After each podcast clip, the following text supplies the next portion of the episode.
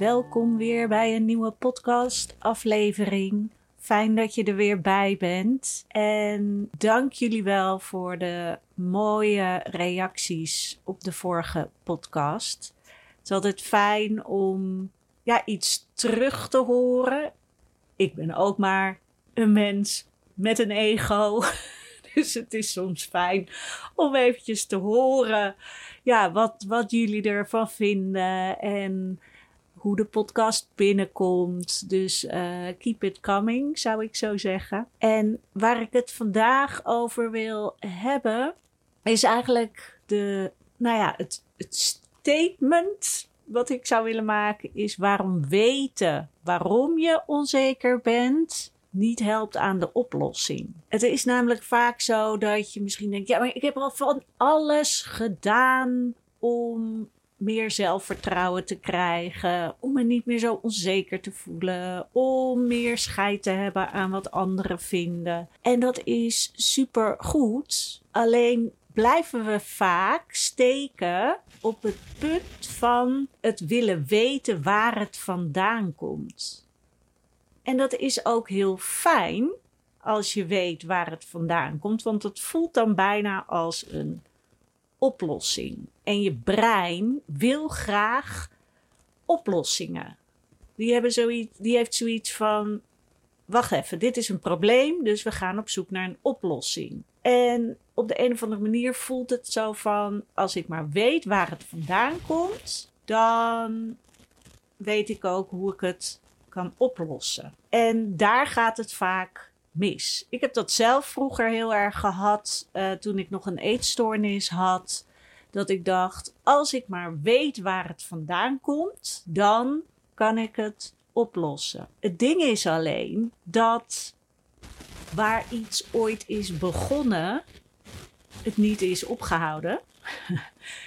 daar is het begonnen en vanuit daar is het geëvolueerd tot nou ja, tot het probleem tussen aanhalingstekens waar je nu uh, last van hebt. Dus misschien in jouw geval heel weinig zelfvertrouwen. En daardoor stappen niet durven nemen. En het gevoel hebben vast te zitten in je leven terwijl je verder wil. En je denkt, dat durf ik niet. Dus puur bezig zijn met zoeken waar is het begonnen. Wat is de reden? En hopen dat dat jou de oplossing biedt, kan ik jou vertellen dat dat niet de oplossing gaat zijn. Is het goed om soms te kijken waar het vandaan komt? Tuurlijk, want het kan je informatie geven over triggers, over wat jij toen voelde. Alleen dan is het de zaak om er dieper in te duiken en te gaan kijken: oké, wat deed het met je? Wat had jij nodig toen wat je toen niet kreeg? En kan jij dat in het nu aan jezelf gaan geven? Welke overtuigingen heb jij gekregen door wat er toen gebeurd is? Door wat iemand tegen je zei, of wat iemand jou heeft aangedaan, of door wat een situatie voor impact heeft gehad op jou? Welke overtuiging heeft dat jou gegeven? En dan is het zaak om te bekijken: oké, is dat een helpende overtuiging of belemmert deze overtuiging mij? En vaak is het dan zo dat die overtuiging jou belemmert, want anders zou het nu geen probleem zijn. En door die overtuiging te gaan ontleden en belangrijker nog te gaan kijken: oké, maar wat wil je wel? Wat zou je wel willen geloven? En door dus met die overtuigingen aan de slag te gaan, dat kan dus inderdaad met psychica, maar dat zou ook kunnen met hypnose of EFT-tapping. Of weet je, er zijn heel veel mogelijkheden. Dus ga kijken wat voor jou het beste voelt. Want dat is ook heel belangrijk. Ga kijken wat het beste bij jou past. Om vervolgens aan de slag te gaan met die, die belemmerende overtuiging die er bestaat. En die ervoor zorgt dat jij het probleem ervaart wat er is. En wat dan ook nog heel belangrijk is, en waarom het dus niet helpt om te blijven hangen in de reden dat het probleem is ontstaan, is dat is puur op rationeel niveau. Weet je, jij weet ook wel dat je misschien anders zou moeten denken of dat het niet waar is dat jij dom bent of dat jij niks kan. Weet je, rationeel gezien weet jij dat dat niet klopt, want je doet heel veel dingen die wel kloppen, maar op een onbewust niveau zit er dus zo'n grote overtuiging: ik ben dom of ik kan niks of bij mij gaat het altijd fout of ik ben niks waard of ik doe voor spek en bonen mee. Die overtuiging is dus waar je mee aan de slag mag gaan en waar het dan ook nog vaak fout gaat. Ik doe weer even tussen aanhalingstekens, want ja, het is maar hoe je het bekijkt natuurlijk. Of het fout is of niet. Gaat erom waar wil je naartoe. Is dat je dan aan de slag gaat. En nou, je weet inmiddels waar het vandaan komt.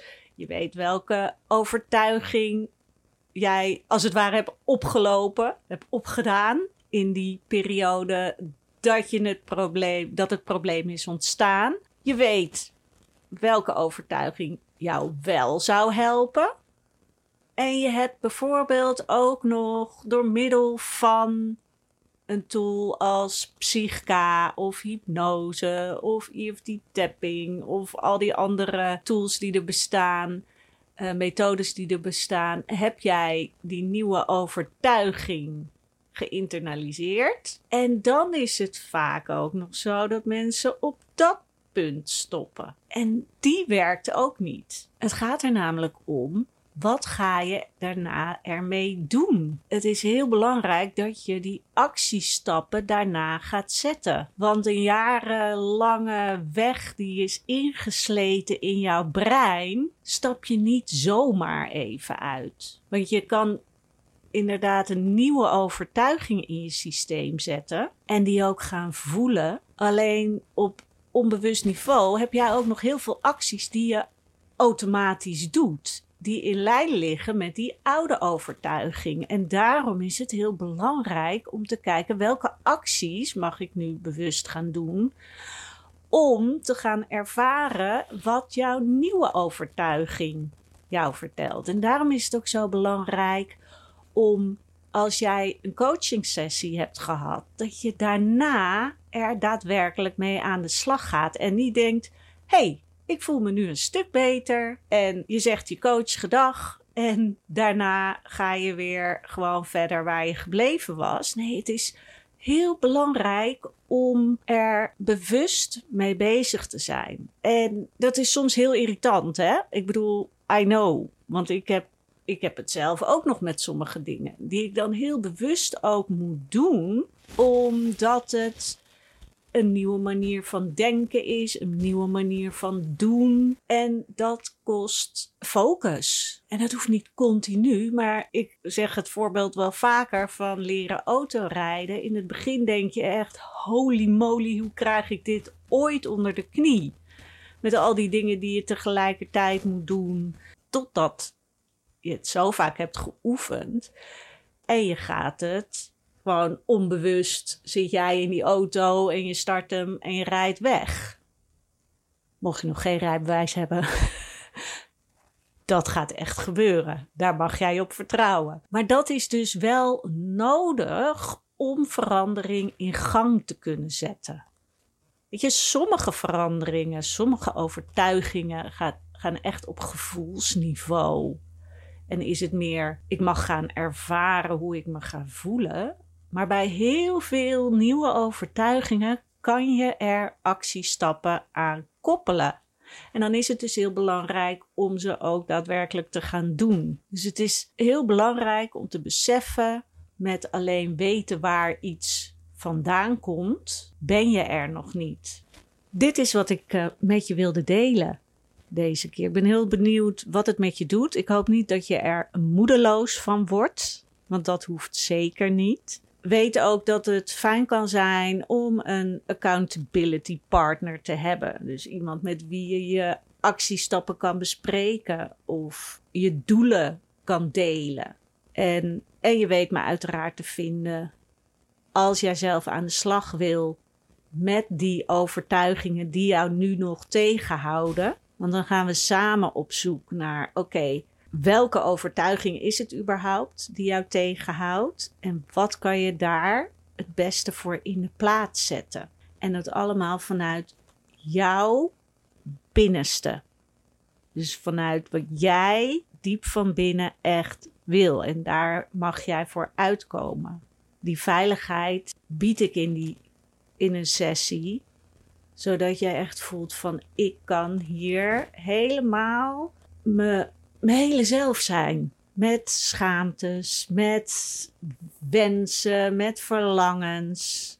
Want zodra jij je schaamteloze zelf kan zijn, kan je ook gaan bedenken van welke stappen wil ik gaan zetten.